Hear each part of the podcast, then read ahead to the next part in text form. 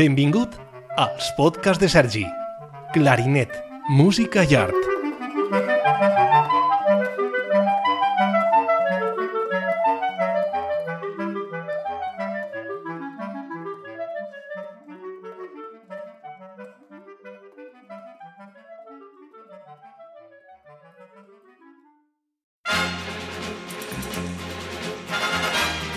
Hola, sóc Sergi Rodrigo, clarinetista, músic i amant de l'art.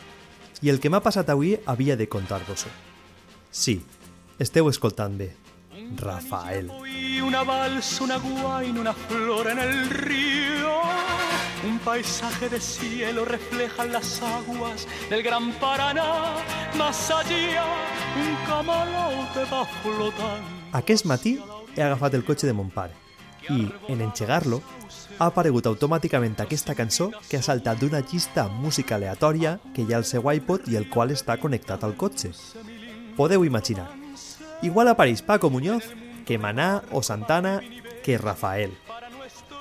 Jo no la coneixia i agraït per la seva energia sent tan de bon de matí, l'he deixat córrer fins que ha aparegut el motiu de tot això, de que jo estigui així, per primera vegada, contant-vos-ho amb un podcast. I és que en escoltar el que fa Rafael en aquesta cançó m'ha vingut a la ment alguns moments de la música clàssica on ocorre el mateix i he pensat que podia, que havia de relacionar a Rafael amb eixos meravellosos canvis de color de la música més clàssica, diguem-ne, per a intentar explicar i difondre què és això d'un canvi de color musical. Eh, sí, canvis de color, però Rafael el cantant, no el pintor.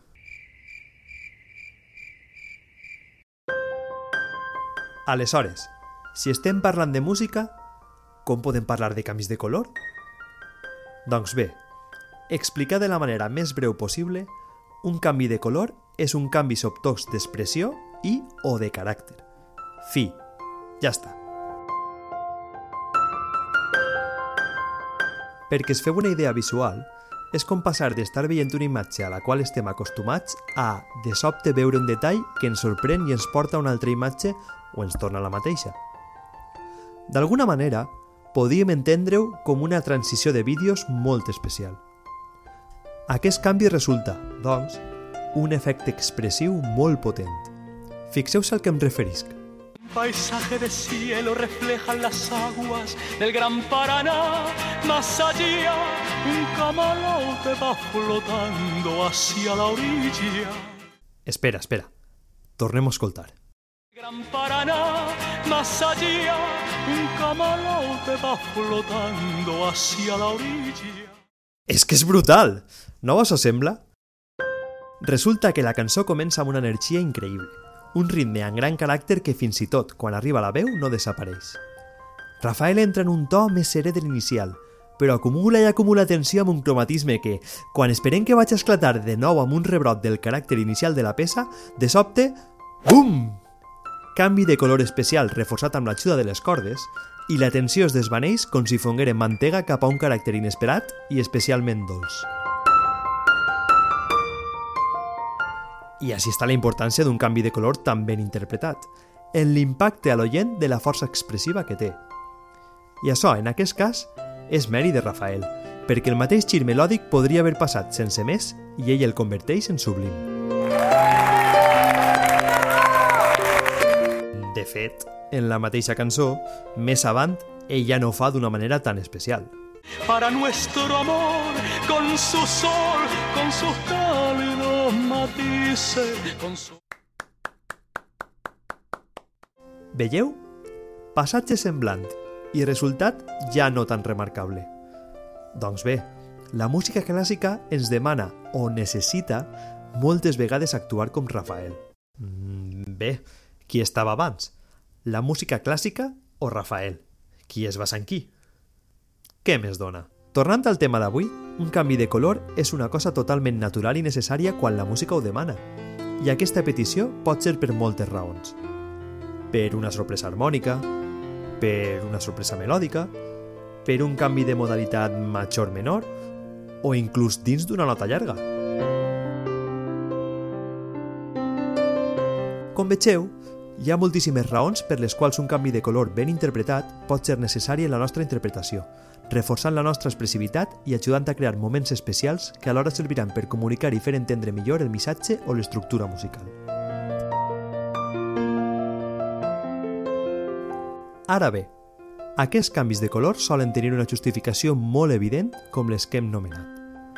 De no estar quan toca, haurem deixat passar oportunitats d'or per a ser expressius i crear un moment molt bonic amb la nostra audiència, però d'emprar-los constantment aconseguirem més bé tot el contrari, ser embafadors i fer que l'efecte perga totalment la seva força.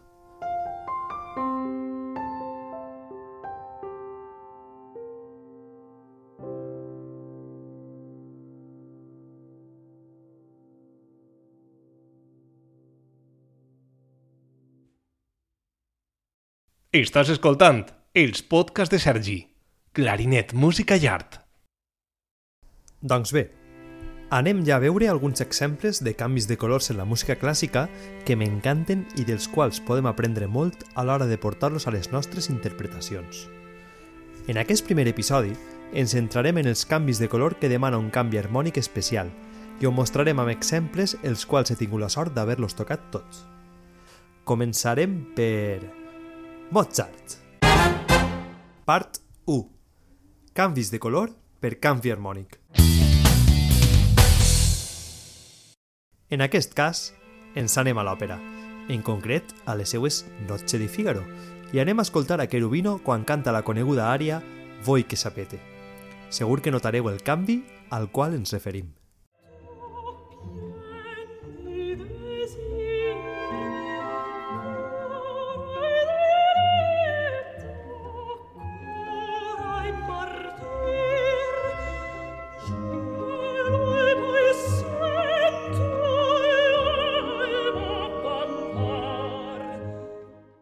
Tècnicament, el que ocorre en l'harmonia és que arribem a un do major amb efecte de dominant i carregar de tensió dins de fa menor per a, de sobte, passar a un inesperat i agradable la bemol major ple de dolçor. Però això realment no cal ni saber-ho. T'ho demana la música. Amb canvi de color, remarquem aquesta genialitat de Mozart que anticipa els xis meravellosos del millor Schubert i ample romanticisme.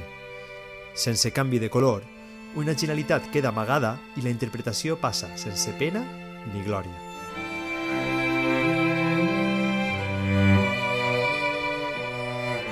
Un altre exemple el tenim en les anomenades resolucions trencades.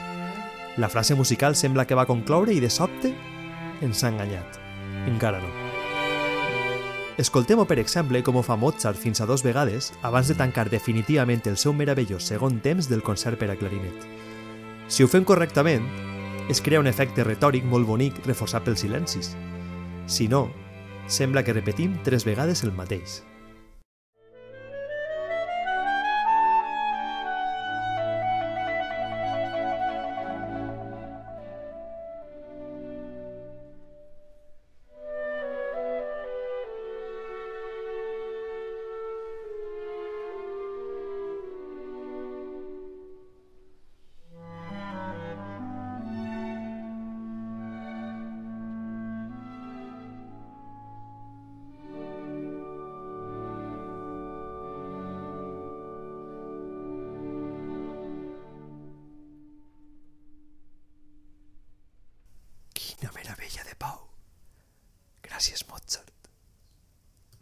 I ja per finalitzar, un darrer exemple.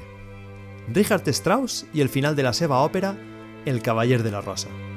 En aquest cas, trobem un crescendo que va creant-nos unes expectatives concretes i, quan sembla que va esclatar allà on pensem ple de força, ho fa d'una manera totalment diferent, a la tonalitat més inesperada a priori que podia arribar. En lloc de resoldre un re bemol major a un sol bemol major, o fa el seu tritó, re major. Escoltem-ho.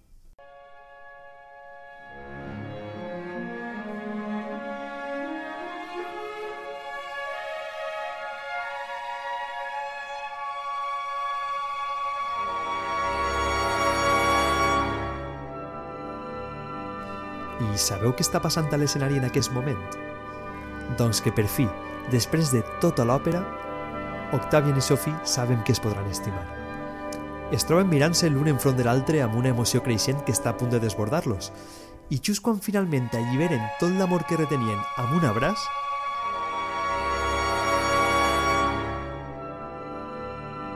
ocorre la genialitat musical de Strauss. No debades, podem entendre com l'egocèntric Strauss afirmava que la seva música era tan bona que només escoltant-la podíem ser capaços de saber de quina graduació era el xampany que es bevien en l'escena. En el cas del Cavaller de la Rosa, Strauss ens diu amb la música tot el que simbolitza aquest abraç. Així, si en aquest cas amb la nostra interpretació no som capaços d'expressar el canvi emocional que Octavian i Sophie senten, estem fracassant com a músics.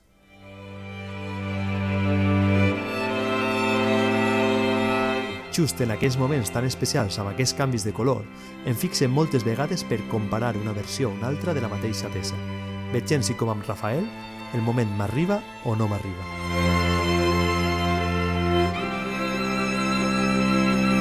I és que una de les coses necessàries que hem d'aconseguir com a músics i artistes és expressar. Però ser expressius de debò, no a mitges. D'arribar de veritat al nostre oient. Estem parlant de tocar o no tocar l'ànima de qui ens escolta i de segur que si ho fem almenys una vegada en la nostra interpretació, aquesta ja haurà valgut la pena. De fet, la cançó en conjunt de Rafael a mi no m'apassiona, però podria escoltar aquest moment sublim pràcticament en bucle infinit. I fins així aquest capítol. Espero que t'hagi agradat el seu contingut i hagi ajudat a il·lustrar amb alguns exemples alguns dels tipus de canvis de color que ens podem trobar, el seu efecte en la música i encara millor en les persones, en tu, en mi i en qualsevol oient que escolte. I tu? Has experimentat ja el que et pot produir un canvi de color? O t'ho estàs perdent?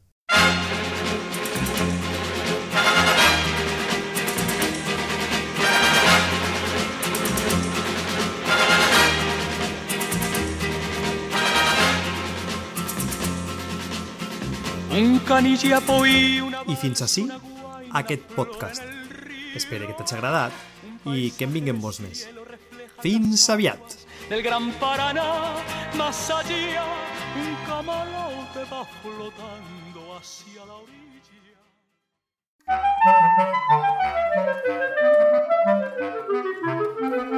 Fins així, els podcasts de Sergi. Clarinet, música i art. No oblides subscriure't al nostre canal de podcast i seguir-nos a les xarxes socials. Thank you.